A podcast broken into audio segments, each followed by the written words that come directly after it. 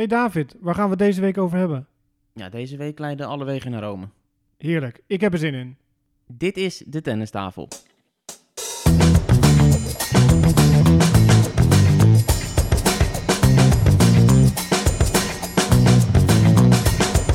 Please take your seats quickly, ladies and gentlemen.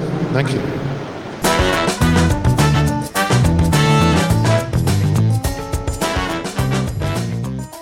Nou mannen, zo klinkt het eh, normaal gesproken aan het begin van eh, onze afleveringen. Maar dat zit er niet in eh, deze keer, want onze Abe Kuil is er niet. Nee, die heeft een welverdiende, vindt hij zelf, vakantie genomen. Ja, En die is zich aan, aan het opladen, volgens mij in Zeeland. ja, opladen. Dat doet hij wel vaker hè, met zijn elektrische auto ook. eh, ja, nu hij zit hij zelf, beurt. Ja, hij ligt zelf aan een eh, oplaadpaal. ja, maar geen zorgen, hè, want hij komt eh, weer ijzersterk terug binnenkort. Ja, volgens mij gaan we hem drie weken lang op televisie horen. Dus ja, zijn stem klinkt eh, door menig huiskamer straks. Ja, niet eh, van de buis weg te slaan eh, binnenkort.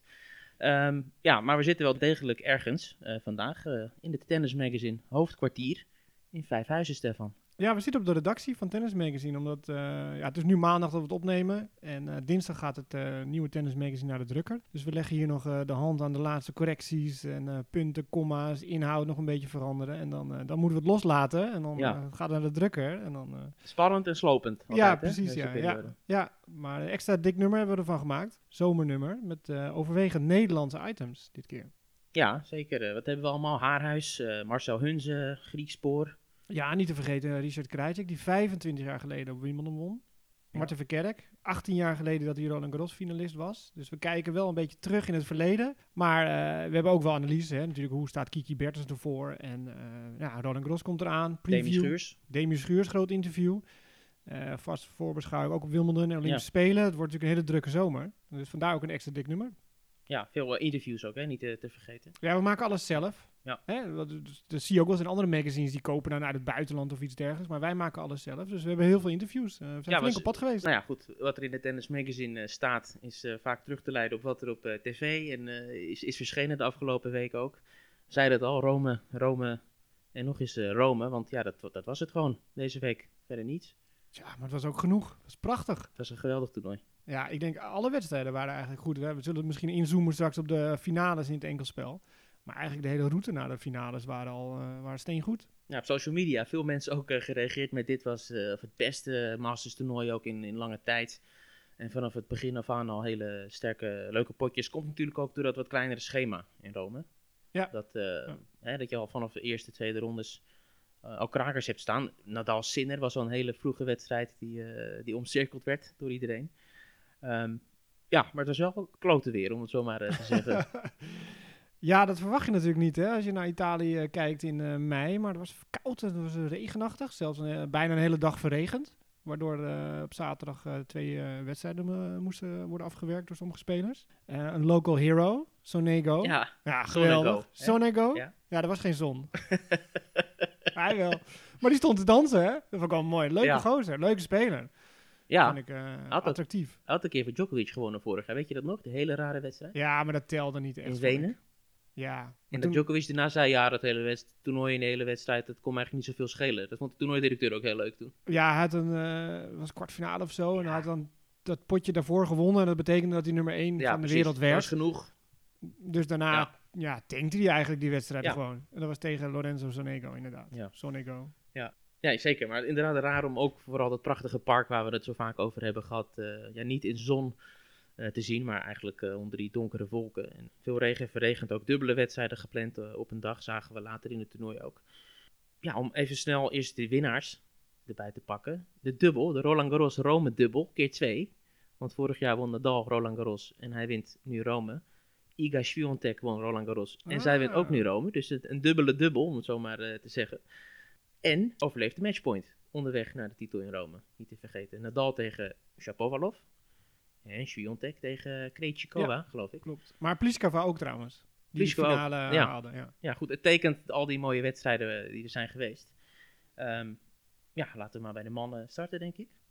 Ja, ik zag een statistiekje voorbij komen dat sinds 2005 altijd of Nadal of Djokovic in de finale stonden, of allebei.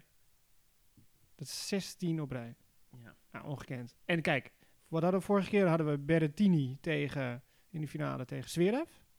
Toen zei ik van, nou, daar ga ik niet mijn wekker voor zetten of daar ga ik niet zenuwachtig voor worden. Hè? Maar nu was het om vijf uur zondagavond gepland. Ik keek al 's ochtends uit naar Nadal Djokovic finale. Je weet gewoon, dat wordt smullen. En dat werd het ook. Ja, zeker. Topniveau. en eh, wij vlagen dat ze allebei op het juiste moment en tegelijkertijd eh, goed speelden. Was weer als vanouds. En ik zat een beetje bij mezelf wel eh, na te denken van elke keer als zij weer tegen elkaar staan. Weer van, oh en weer Djokovic en Nadal. En op een gegeven moment word je er moe van. weet je, maar eigenlijk niet. Nee, want, want, want zij veranderen ook hun spel Ja. telkens. Het, Het moet ook. Ja, ik bedoel, als je nu ook naar de Dal van nu is van nou, 2005, dat is natuurlijk een hele andere Nadal. En de Djokovic ook. En eh, het begon meteen met break over en weer, dus Ja. het, ze zaten er meteen, eh, meteen goed in. En wat me opviel, al die dropshots van, eh van Djokovic, vooral in het begin. Ja, dat was echt een eh, tactisch eh, vernuftig staaltje, vond ik. Ja, wat viel je eigenlijk op qua spel in die partij? Naast die dropshots. Nou, ja, laat ik zo zeggen dat ze allebei beter speelden dan toen ze aan het toernooi begonnen. Dus je zag echt duidelijk dat ze een stijgende lijn te pakken hebben. En dat, dat ze nu eigenlijk op Roland Garros niveau in die finale speelden. En dat is denk ik ook heel belangrijk, zeker voor Nadal. Dat je nu weet van oké, ik heb het niveau nu om straks, ja, dat is het laatste toernooi voor Nadal voordat Roland Garros begint. Ik heb het niveau nu te pakken om Roland Ja. Garros voor de veertiende keer te winnen. Eh, en dat zeg met Djokovic ook.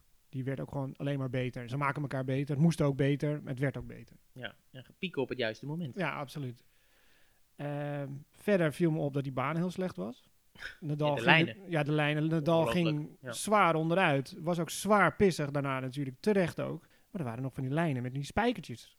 Ja, dat heb je helemaal niet hier Nee, in dat Nederland. is bizar. niet van hier. Ja, ze klikken er helemaal in. Of eh, het wordt erop Ja. geverfd. En eh, je zag een man met een hamer. eh Ja, de kwam man met de hamer. Tiki-taki. Ja, En dat was eerder in de week ook al gevallen. Ja, met Serena Williams. ja ook, maar? Nadal ook. Ja. Het lag al een keer open. En nu lag hij weer open. Ja, en hij was woest. Ja, terecht. Ja. De commentator had het niet helemaal door. Want die dacht, hij was eerst eh, dat hij zo blij was dat hij de dropshot haalde en een Ja. passing maakte. Maar was gewoon woest op de organisatie dat hij daar op de grond lag. Zou die een verzekering hebben? Want dat had je met die voetballers vroeger, hè? Dat Iker Casillas of zo, die had zijn handen verzekerd voor eh 200 miljoen of zoiets. Maar je zag trouwens, in die val van Nadal, ik weet niet of, je, of dat opviel voor jou, gooide hij zijn racket weg. Ja, maar dat is de eerste les die je Ja. leert. Gooi, laat je racket los, laat weg. Want eh Bushkova, twee weken geleden, die viel ook. Die hield de racket vast en die moest daarna opgeven. Omdat ja, de knokkels lagen open, de hand Ja. was gekneusd. Dus het eerste wat ze doen, racket weggooien. en die die lag eh, opvangen. Ja. Precies, hij, hij viel mooi. Ik denk dat eh, Mark Huizinga was Ja. trots op hem. Dat was echt eh, een judo-rol was dat. Dat was Ja. prachtig. En daarna meteen opstaan. En, eh, Het is echt een greffel-specialist, hè, die Nadal. ja, een greffelbijter was ja. het. Ehm, ja, om die wedstrijd, Nadal Djokovic, om daarop op terug te komen. Ehm, toch nog een keer, want we hebben het hele greffelseizoen beschouwd. Madrid niet, daarvoor Barcelona won Nadal wel, maar er was iets of ze zijn het een beetje kwijt. En dan, dan toch deze twee. Is dat dan, betekent dat weer terug orde op zaken gesteld? Of is, is dit nu de uitzondering? Wat mij betreft eh, bevestigt dit mijn woorden wat ik in de vorige podcast zei. Van, ze zoeken nu echt momenten om te pieken. En dit is het laatste grootste evenement, grote evenement voor Roland Garros. Dus als ze hier pieken, dan zit het Roland Garros goed. En dat was in Barcelona minder. Dat is in Monte Carlo, weet je. In het begin is dat allemaal, in Madrid is dat allemaal anders. Dus zij werken echt naar, naar die slams toe natuurlijk, uiteraard. En eh, dat vond ik bij Djokovic ook. Die, die, ja, die werd steeds beter. En nu moest het, en dit was de ultieme test tegen elkaar. Ja. En die backhand van Djokovic, ja, dat is weergaloos Ja. om te kijken. En, en die kan die voorhand aan van, van Nadal. En, en hoe makkelijk zij van richting veranderen. Ja. bizar. Het was de eerste keer dat ze weer tegen elkaar speelden sinds die finale op Roland Garros vorig jaar. En ja, we weten allemaal hoe dat ging. Dat was die Mhm. afslachting eh, door Nadal. Maar Djokovic heeft nu weer zijn greffelspel gevonden, lijkt het wel. Want dat heeft hij zelf ook gezegd eh, met zoveel woorden. Ehm, en wat mij een beetje opviel, ook in de manier waarop hij eh, ja, op de baan bewoog, hoe hij zich eh, een beetje hield. Dat hij uit zijn hoofd had gezet van ik speel tegen Nadal op greffel. Oh, hè, ik speel gewoon tegen Nadal, een man waarvan ik honderd keer heb gewonnen. Ik moet gewoon mijn Mhm. spel spelen. En er is een bepaalde, als het in elkaar klikt, dan, dan, dan kan ik gewoon van hem winnen. Of dan hoor ik van hem te winnen. Ehm, dus eh, terwijl ik op Roland Garros vorig jaar veel meer had van die opgeblazen van, oh weer hè, het, het moment en ik kan weer Roland Garros winnen. Oh, ik moet van Nadal winnen. Als hij dat gewoon laat varen, dan kan Ja. hij zo, zo spelen. Maar hij stond er gewoon als de nummer 1 van de wereld. Ja. En eh, Rafa is de nummer 1 absoluut op claycourts, op gravel, absoluut. En eh, zo stond Djokovic er ook in. Ik ben de nummer 1 gewoon overal. Ja. En met dat zelfvertrouwen speelde hij. En ja, op cruciale momentjes, ja, dan maakt het natuurlijk misschien toch ja, de service wat minder. Uh, voorentje misschien Ja. een beetje off. Service trouwens, het servicepercentage in, eh, van Nadal, dat was eh, Ja. bizar. Die begon op 84 Ja. Die eindigde eh, uiteindelijk op 60% geloof ik. Maar ja, goed, we weten allemaal dat Nadal natuurlijk niet zijn servicekanon is en dat hij vaak genoeg eh, die eerste service inslaat om in te slaan. Mm. Maar ja, toch. eh, Nee, cruciale aces op 30 gelijk bijvoorbeeld. eh dan kiest hij er bijvoorbeeld, eh, normaal zou hij misschien door het midden slijzen. Dan kiest hij dan toch naar buiten voor die ace en zo. Dus eh, nee, eh, Ja, lange partij ook, hè? 2 uur eh, 45 minuten of zoiets. Ja, als we dan teruggaan in dat toernooi. Ja, wat hebben we allemaal gezien? We hebben die Next Gen eh, weer in actie gezien. En die waren verantwoordelijk voor een paar eh ja, marathon-duels. Waanzinnige wedstrijden. Zoals eerder ook eh, in Barcelona, Tsitsipas tegen Nadal. Hadden we er nu nog gewoon eh, een paar in één toernooi. Ja, Shapovalov tegen eh, Nadal. Waar kwam die ineens eh, vandaan? Ja, het is helemaal niet een gravel. Eh, geen pepernoot, eh, al weken, al nee, maanden Ja, had een matchpoint. Sonego was eigenlijk ook wel een goede partij tegen Djokovic, tegen Tsitsipas. Djokovic, Tsitsipas ervoor, ja. Ja, Nee, absoluut. bizarre wedstrijden. En wat er gebeurde steeds, was dat die jonge jongens hadden een voorsprong, hadden matchpoints. Ja. Maar elke keer, zelfs als je teruggaat naar het begin, en Nadal tegen Sinner was een leuke wedstrijd om naar uit te kijken. In beide sets komt Sinner een break voor, verliest in twee sets. Dus ja, ja hebben ze gefaald, de next gen? Of hebben ze genoeg eh, gebracht al dit gravelseizoen? Maar je, je- het is ook een mindgame natuurlijk. Want ze weten, oh, ik kan gaan winnen van Nadal. En Nadal heeft al een keer uitgesproken. Ik weet dat mijn tegenstander gaat denken, oh, ik kan van Nadal gaan winnen op gravel. Dus daar gaat iets gebeuren eh, aan het einde van de sets of aan het einde van de wedstrijd. En dan moet hij er staan. Ja, en dat onderscheidt ze toch wel nog steeds. Die wereldtoppers van, ja, de jongens die er aankomen. Dat maakt ze ook zo goed. Ja, en ze grapt ook over het feit, hè, want ze worden natuurlijk doodgegooid met die vragen over next gen dit en next gen dat. En eh, komen ze jullie van de troon stoten? Nou, Djokovic die, die gaf aan dat hij er al eh, moe van wordt van die vragen. Maar hij kon er ook wel op lachen en hij zei, nu is het klaar. Wij zijn de next gen, dat hebben we nu laten zien. Eh, Nadal, eh, ik en, eh, en Roger ook nog. Wij Ja. zijn de next gen. En eh, ja, laat ze het maar zien. Wij zijn er nog steeds. En natuurlijk, ze, ze timmeren aan de weg. Ze winnen ook van ons. Ze staan in de top 10, ze staan in de top 5. Maar feit blijft, wij zijn er nog. Gewoon. Ja, en de slams gaan nog steeds naar die top drie, Grote jongens. toernooien, inderdaad, winnen wij. Dus ehm, ja, eerst zien, dan geloven is een beetje het recept. Eén ding daarover nog wel, want de ATP die heeft natuurlijk heel veel moeite gestopt in, eh, in die next-gen campagne. Dus ik vraag me af hoe, blij ze daar op het hoofdkantoor worden van Djokovic, die een beetje ja, dat groepje een beetje Ja. in de maling zit te nemen. Ja, het is de kunstmatig gepusht, die next gen, om die in het spotlight te zetten. En dat ze, eh, ja, dat is wel inderdaad wel lastig. Maar Zijn ze daar vroeg mee geweest? Nee, het- ja. Het is Het best maakt wel een goede campagne mooi. geweest. Maar Het het is- maakt, ja, precies. Maar ja. het maakt ook wel mooi dat je drie van die relatief oudere mannen hebt die nog steeds dienst uitmaken. En dat die, die, die jonge jongens daar toch, ja, die zitten aan het zagen en het beuken, maar ze komen er niet helemaal doorheen. Dat maakt het ook heel interessant. Maar wel steeds meer, laten we eerlijk zijn. Hè? Steeds meer dat het zo'n Tsitsipas dan wint van Nadal weer. En, en Zverev die onlangs in Madrid natuurlijk in twee sets ook van eh, Nadal won. Dus er zitten wel degelijk deuken in het schild. Maar ja, met Verdef een paar finales al tegen de grote, grote jongens verloren, ja. Nou ja, Team. het, AB is er niet, maar bruggetjes kunnen we nog steeds eh, wel maken. Team, noem je. ja. Die zou toch in dat gat moeten springen wat, eh, wat Nadal en Djokovic achterlaten. Zeker op gravel. Ja, nou ja, hij heeft natuurlijk eh, issues gehad eh, mentaal na het winnen van de US Open. Hè. Eh, Doelen stellen en altijd zo maniacaal geleefd voor zijn tennis. Dat hij nu wat meer aan het loslaten is. Ik vond hem nog niet zo sterk in Rome. Nee, maar ik, ik bedoel te zeggen, als je een, stap terug doet en hè, als je over meer jaren terugkijkt. Iedereen die had het steeds over hè, de, kroonprins. En op het moment dat, dat Nadal en Djokovic wat minder doen, of zelfs als ze nog goed staan te spelen, is team toch degene die daarvan van moet gaan profiteren of dat moet gaan overnemen. Dus is, ja, we hebben het over next gen, maar is team niet degene die het echt, echt laat liggen nu gewoon. Djokovic en Nadal zijn toch, on- ondanks dat ze nog heel goed zijn, zijn toch wat zwakker dan voorheen. Nou, we gaan het zien. Ehm Medvedev eh, gaan we waarschijnlijk eh, niet zien. in de laatste fases van, eh van toernooien. We hebben het eerder in Madrid, had hij al leuke momenten met, met de baan. En dat was in Rome natuurlijk eh, niet anders. Hij zei, ja, als je het leuk vindt om als een hond in, eh, in de modder eh, dat rollenbollen, dan is gravel de, de plek voor jou. En dat was wel leuk, dat was een wedstrijd die hij speelde tegen Karatsev. Hè. Dat was Mhm. een Russische onderrondje. En eigenlijk wij ook samen in gesprek de twijfelde er geen moment aan dat Karatsev die wedstrijd ging winnen. Het was meer van, eh, ja, met welke uitslag zal het zijn. En om het Russische onderrondje nog, nog groter te maken, Rublev die zat was een van de weinigen op dat moment in het publiek om te kijken naar die wedstrijd. En die lachte zich ook een ongeluk om al, die capriolen van Medvedev die, eh, die maar een hekel heeft eh, aan die baan. Ja, maar hij is wel als tweede geplaatst straks op Roland toch? Ja, ja, Wow. hilarisch. Ja, wat dat betreft, weet je wat je Wimbledon ook altijd vroeger had? Gewoon een eigen Ja. grasplaatsing. zou je misschien op gravel ook kunnen toepassen. Want Medvedev op gravel, ja, dat weet iedereen. Dat weet hij zelf ook. Ja, voor mij heeft hij nooit een wedstrijd gewonnen op Roland Garros. Vijf, vijf keer eerste ronde of Nee, zo. nee.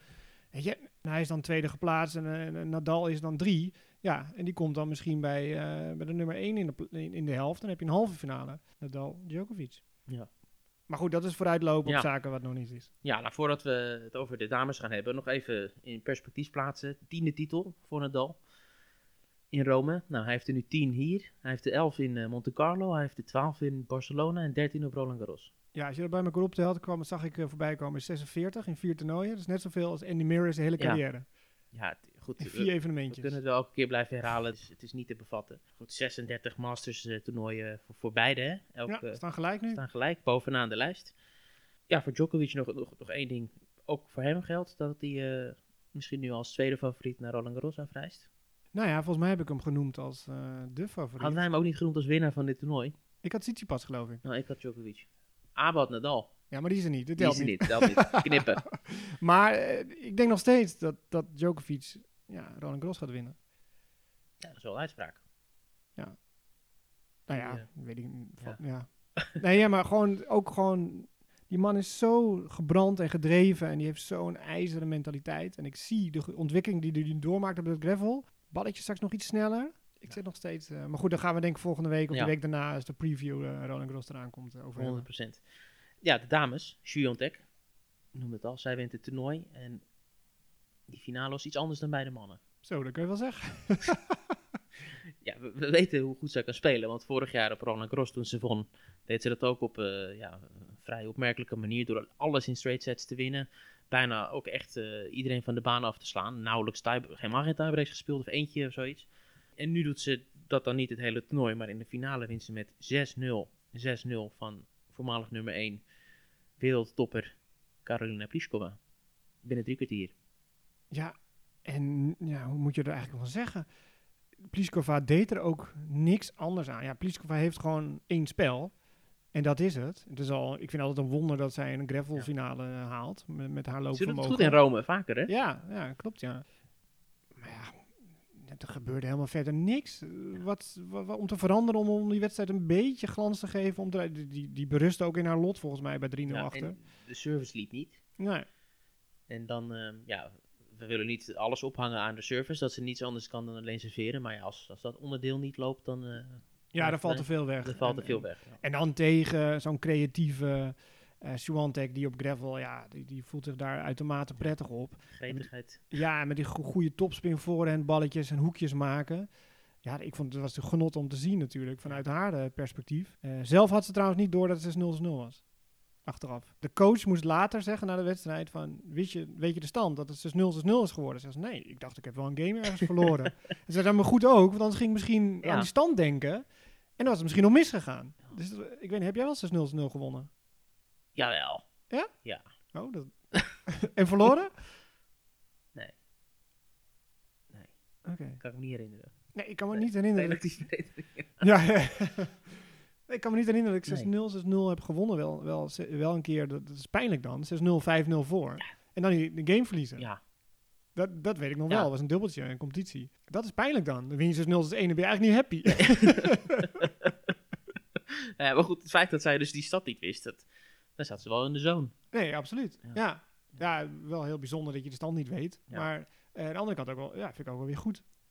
Maar ik bracht er in ieder geval niet van, van een stuk. Want je gaat er toch aan denken. Als het 6-0, 3-0, 100%, ja. dan ga je toch net als, net als met dart of zo, dat je zo'n 9 darter kan gooien, weet je. Als je dan eh 7 hebt gegooid, dan weet Ja. je nog, nou, deze twee moeten erin. Dan heb ik eh, Ja. een grote, grote prijs eh, gewonnen of zo. Dat is hier ook het geval. Ja. Het publiek floot nog. Ja, maar Pliskova heeft ook geen uitstraling dan dat ze ervoor vechten en zo. Dat heeft ze sowieso niet. En dat, dat is dan helemaal, helemaal niks. Ja, er zit eindelijk publiek op de tribune. En dan krijg je dit voorgeschoten, drie kwartier. Ja, nou goed. Ik weet niet of de tickets, eh, of het losse sessies waren. Het werd nog goed gemaakt eh, bij de mannen in ieder geval. Eh, maar ja, Swiatek reist ook af naar Roland Garros als, als een van de grote favorieten, laten we eerlijk zijn. Ja. Ze gaat nu ook voor het eerst de top 10 in. Dus dat is een persoonlijke mijlpaal ook voor haar. Sinds het winnen van Roland Garros. En zelfs daarvoor, vorig jaar ook. Ik had al veel meer het gevoel dat zij al hoorde bij dat groepje hè, van, van echte kanshebbers op, op bijna alle toernooien waar zij aan meedoet. Maar nu klopt het cijfertje ook achter de naam. Ja, dat heeft natuurlijk ook met die eh, ranglijst te maken met 2019 punten, 2020, weet je. Dat, is, dat het met die ranglijst niet helemaal zo is zoals het is, weet je. Als Serena nog zo hoog staat, vind ik dan uh, Andreescu stijgt deze Ja. week twee plekken. Ja, dat vind ik allemaal wel, is natuurlijk eh, onnavolgbaar. Eh, maar even terug te komen op die 6-0, 6-0. Er is nog een Poolse geweest die een finale 6-0, 6-0 heeft gewonnen. Ja, dat kan er maar één zijn, denk je dan. Good old Agnieszka Radwanska. Ja, tegen Subukova in die finale van Sydney een aantal jaar geleden. Dat was Ja. ook 6-0, 6-0. Dus eh, er gaat, ik had even nagekeken op de WTA-tour. Vier finales 6-0, 6-0, waarvan Ja. twee dan een Poolse winnares hebben. Nou ja, Dus, eh, feest in huis eh, Kok. Ja, ja, ja dat was, eh, we gingen ervoor zitten. En eh mijn schoonfamilie die wonen in Polen. En eh, we gingen eh facetimen met de televisie aan. Oh, echt? Want het werd wat niet leuk. uitgezonden Ja. daar. Dus we konden het niet vinden. Dus we hebben zitten livestreamen via de telefoon de laatste paar games. En eh, ja, de vlag ging uit. Ja, terecht. Ehm, ja, wie nog meer?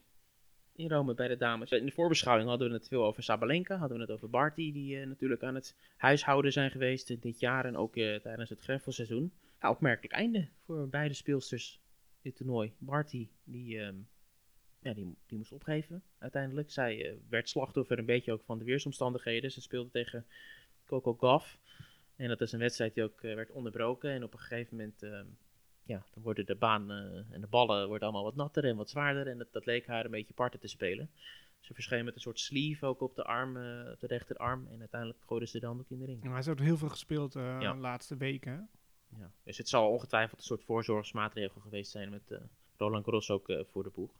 Nou ja, Golf is ook verantwoordelijk geweest voor de uitschakeling van Sabalenka. En dat was wel even een dingetje.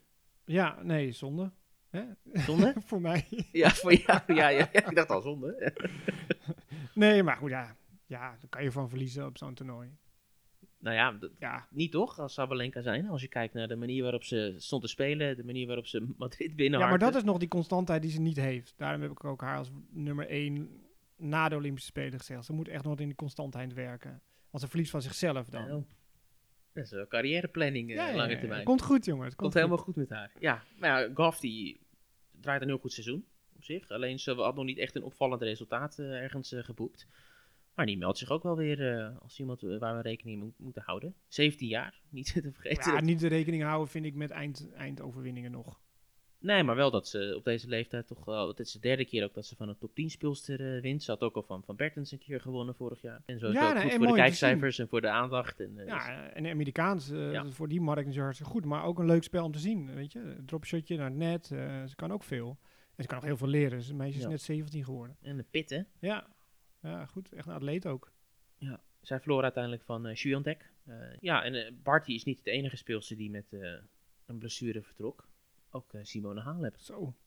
Wel zo een domper. Ja, dat is echt uh, Roland Garros in gevaar, denk ik. Ja, dat lijkt me wel als je een scheur in je kuit hebt. Ja, ja heel triest, ja. Ja. Kan je ervan zeggen. gebeurde tijdens de wedstrijd tegen Angelique Kerber. En dat was nog een mooi moment dat Kerber haar ja, hielp eh, ja, de baan af eh, te gaan. Helemaal met de tassen inpakken en, en haar eh, steunen en dat soort dingen. Dus Hm. ja, die kennen elkaar natuurlijk al langer. Halep is eh, de beste gravelspeelster misschien wel van de wereld. Misschien dat ze dat niet eh, in recente resultaten heeft laten zien. Maar ja, voormalig Roland Garros kampioenen en echt wel gravelspecialisten. Ehm en, en niet alleen voor Roland Garros is het eh, vervelend voor Halep. Zij is ook titelverdedigster op, op Wimbledon. Ja. Dus dit ja, bedreigt heel zuur uit te pakken voor de Roemeense. Ja, dat gun je niemand. Ik bedoel, ze was redelijk goed in vorm. En als je op zo'n manier dan uh, ja, die twee grote toernooien die vlak achter elkaar komen, wellicht gaat missen. Ja. ja. Maar ja, goed, blessures horen bij de sport. Maar ja, het is, de, de dit timing is wel pijnlijk. Ja, precies.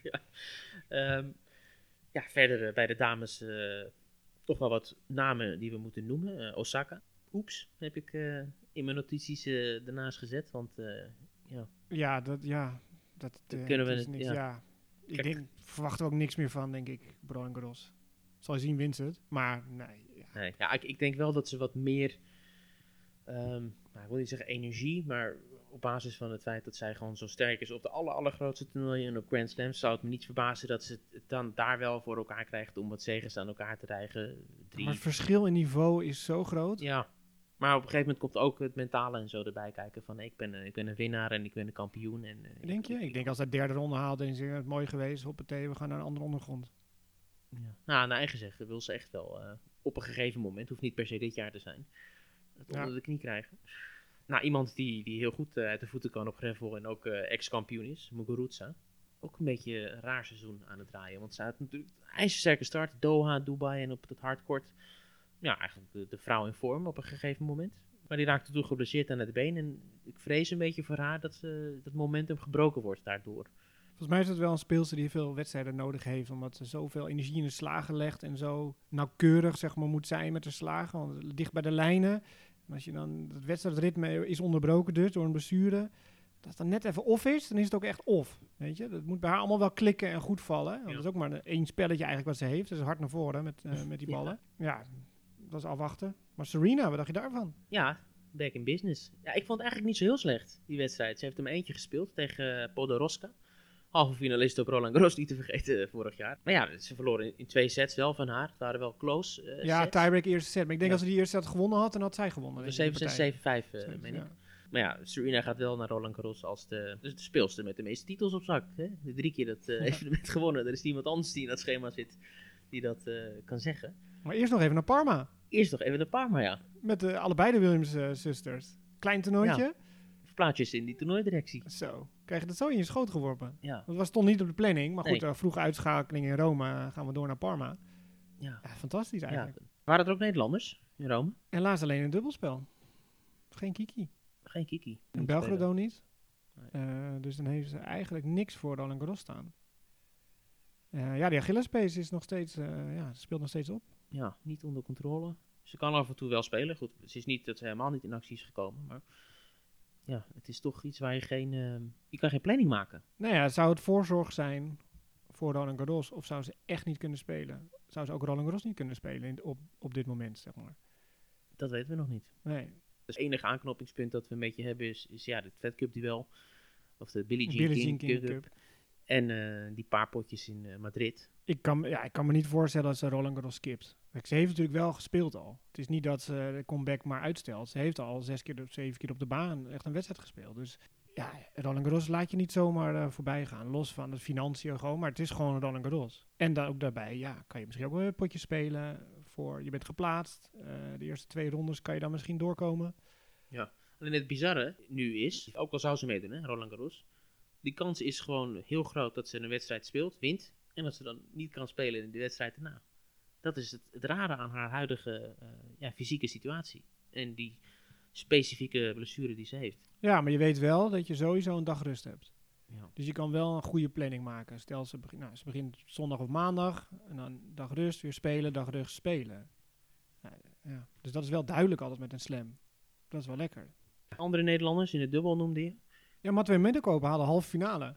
En dat is wel, wel weer bijzonder. Met een eh, partner heeft hij uit El Salvador, eh, Marcelo Arevalo. En ze waren tweede eh, reserves als koppel. En ze kwamen erin en ze halen de halve finale. Wonnen in de kwartfinale van eh, duo Koolhof-Royer. Ja, dat is even een spannend potje. Ja, was leuk. Ja, zeker. Ja. was een match tiebreak. En ja, halve finale. te gek. Ja, verloren helaas van Rajiv, Rajiv Ram en Joe Salisbury. Mm. Ja, ik ben niet goed met namen, jongens.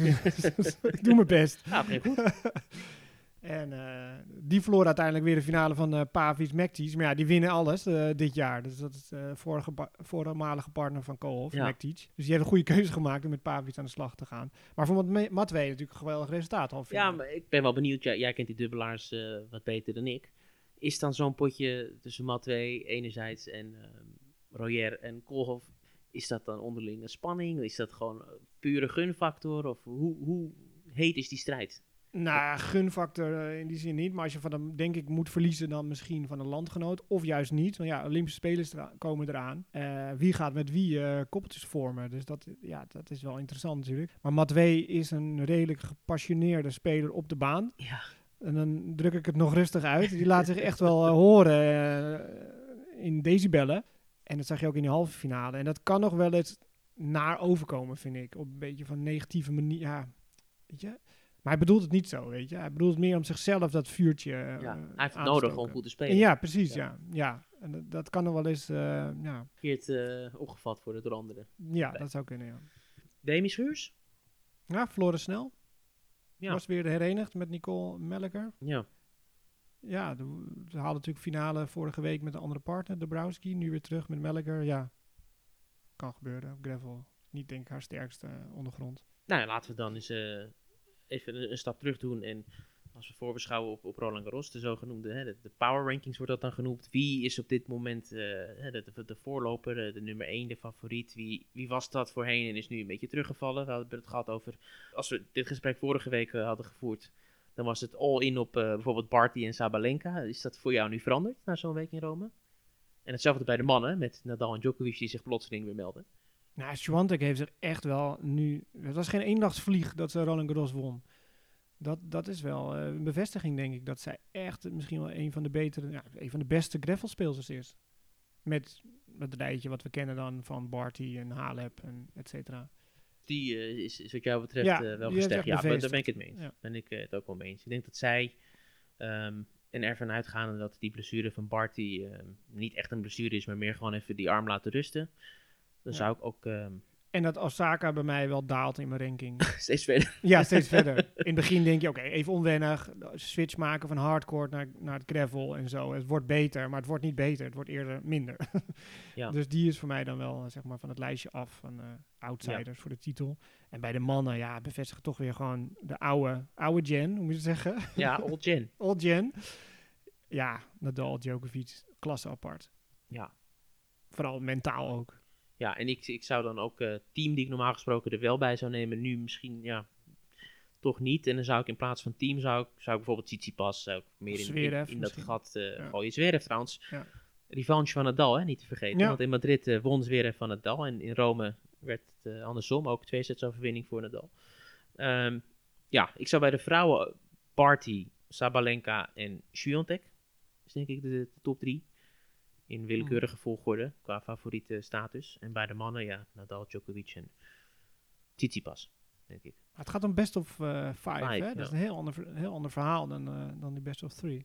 Mhm. Eh, los van het fysieke gedeelte, maar ook gewoon het mentale gedeelte in zo'n wedstrijd. Je kan fases hebben en die moet je zien te overleven, bij wijze van spreken. Dat je niveau even dropt of dat je heel erg eh, op het momentum zit. En daar moet je, dat is het mooie van een best of five, weet je. Ja.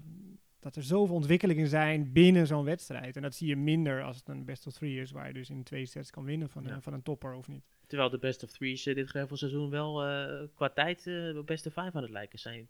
Regelmatig partijen van langer dan eh, drie uur. Ehm, nou, dat gaan we allemaal terugzien op Roland Garros. En hetzelfde geldt, als het goed is, voor onze Roger Federer, die weer op de baan gaat verschijnen deze week in Genève. Thuis bij hem. En eh, ja, het is toch een, een slimme planning gebleken van hem. Want hij heeft een, een vrij eh, ja, klein en niet, niet al te sterk bezette toernooi uitgekozen om, eh, om terug te keren. Hij is daar als eerste geplaatst. Ehm kan wat wedstrijdjes eh, in de benen krijgen. Ja, hij heeft net een persconferentie gegeven vlak voordat we deze podcast eh, opnemen. En hij heeft wel eerlijk toegegeven van ik ga voor Wimbledon. Alles staat in het teken van Wimbledon. En zelfs Roland Garros, ik speel daar omdat ik goed wil zijn op Wimbledon. Mhm. Je kan van mij niks verwachten op Roland Garros. Eh, maar hij voelt zich wel veel sterker dan eh, toen hij terugkwam in Doha, begin van het jaar. Ja, in maart was dat. Ja. ja. En toen trok hij zich vrij snel eh, weer terug en is hij de trainingsbaan opgegaan. Met als idee dus om via wat gravelwedstrijden zich klaar te spelen inderdaad voor Wimbledon. Ja, ik, ik ben benieuwd. Ik, ik vind het altijd heel leuk om naar Federer op, op gravel te kijken ook. Want hij wordt vaak geassocieerd met die snellere baansoorten en zo. Maar ja, hij heeft ook alles natuurlijk in zijn arsenaal. Hij heeft niet de cijfers zoals eh, Nadal en Djokovic op die ondergrond. Maar toch, eh, weet je, creativiteit hebben we het vaak over gehad op, op gravel. En eh, ja, daar heeft Federer natuurlijk meer dan genoeg van. Ja, veel om naar uit te kijken. Het wordt een heel slecht weer. Komende week in Genève. Elke dag 80% kans op regen. Ja, heel Europa. Ja, hier is het ook Ja, hier ook. veel beter. Dat, dat zware ba- banen, zware Ja. ballen. Oeh. Ik weet niet of, of voor Roland Garros wel een soort vooruitzicht is. Qua weersomstandigheden. Er wordt al vrij vroeg op vooruitgeblikt altijd. Ja, volgens mij kan je niet verder dan twee weken eh, vooruitkijken met weerbericht. Is alles wat daarna komt onzin. Oké, Dus nou, we hebben nog twee weken tot Roland Ja. Garros. beetje zoals onze voorspelling. ja. Ehm, nou, veel om naar te kijken. En ehm, Nou, ik wil nog één dingetje aanstippen. Aranska Rus. Eh, een niveautje lager dan het WTA-niveau. Bij ITF Tour haalden ze de finale in Spanje. En eh, ik heb de hele finale zitten kijken ook via een livestream. Dus dat, dat zat gewoon volle tribune. Wel allemaal mensen met eh, mondkapje op, maar wel heel dicht bij elkaar. Het was een heel mooi baantje. Ze speelden tegen eh, een Russin, Gromacheva. En eh, het werd een ja, bizarre wedstrijd eigenlijk. Het werd uiteindelijk een derde set tiebreak. Ik zal je al de rest wat ervoor kan besparen. Dat ging al op en neer. En die eh, werd met 10-8 beslist in het eh, voordeel van de Russin helaas. Ranska kreeg nog wel een matchpoint. Eh, werkte daarvoor ook nog drie matchpoints weg. Het ging echt alle kanten op. Maar die Russin, ik denk, nou, die heeft denk ik 150 dropshots geslagen. goeie ook. Nee, Oh, niet. maar dus die bleef maar rennen naar dat net toe. Dat was echt ongekend. Dus die, ze heeft er eigenlijk helemaal stuk gespeeld. ja. Dat, eh, we waren allebei linkshandig. Ja, het was, ja, het eigenlijk wel heerlijk om te zien. En Ja. dan vind ik jammer dat zo weinig mensen dat dan meekrijgen. Ja, we hebben natuurlijk over de geweldige grote toernooien met een Ja. fantastische wedstrijd. Maar zo in die marge en zo'n potje spelen. Ja, het publiek was echt aan het smullen. Ja. En die dachten van tevoren misschien die Spanjaarden van ja, Roes en uh, Gromacheva Ja. eh, kunnen ze niet uitspreken. Maar het was echt geweldig. Ja. Ja, jammer dat ze verloor. eh, eindigde met een dubbele fout. Ja, Die was was vrij die, die, pijnlijk. bibberde een beetje. Ja, die zag je wel aankomen. Was 9-8 in die tiebreak en sloeg die eerste servers, ja, een klutser op de verkeerde helft. En toen duurde het heel lang voordat ze die tweede soort darteritis durfden Ja. te slaan.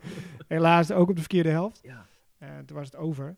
Maar ik heb er eigenlijk wel van genoten. ja, nou, dramatisch eh, einde daar ook. En u- je zegt lager niveau. Rus is zeker natuurlijk nog wel gewoon een top 100 speelster. Is al ook gewoon op Roland Garros in de, in de main draw in het hoofdschema staan. Dus ehm, nou, wie weet dat zij nog iets, eh, iets kan doen, kan verrassen in Parijs. Nou, dat was het dan denk ik eh, voor deze editie. We zijn er doorheen gekomen zonder eh, onze voorzitter. Zonder host. Ja, nou, volgende keer, eh Abe, als je meeluistert, zien we je graag weer eh, terug. En ja, bedankt voor het luisteren en tot de volgende keer.